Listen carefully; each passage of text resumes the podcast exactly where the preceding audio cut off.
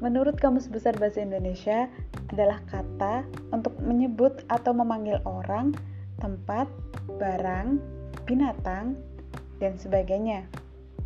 Pemberian nama podcastku juga datang tiba-tiba di depan mata. Terlihat bagian kanan pintu rumahku, ada dua jendela yang seharusnya bisa dibuka.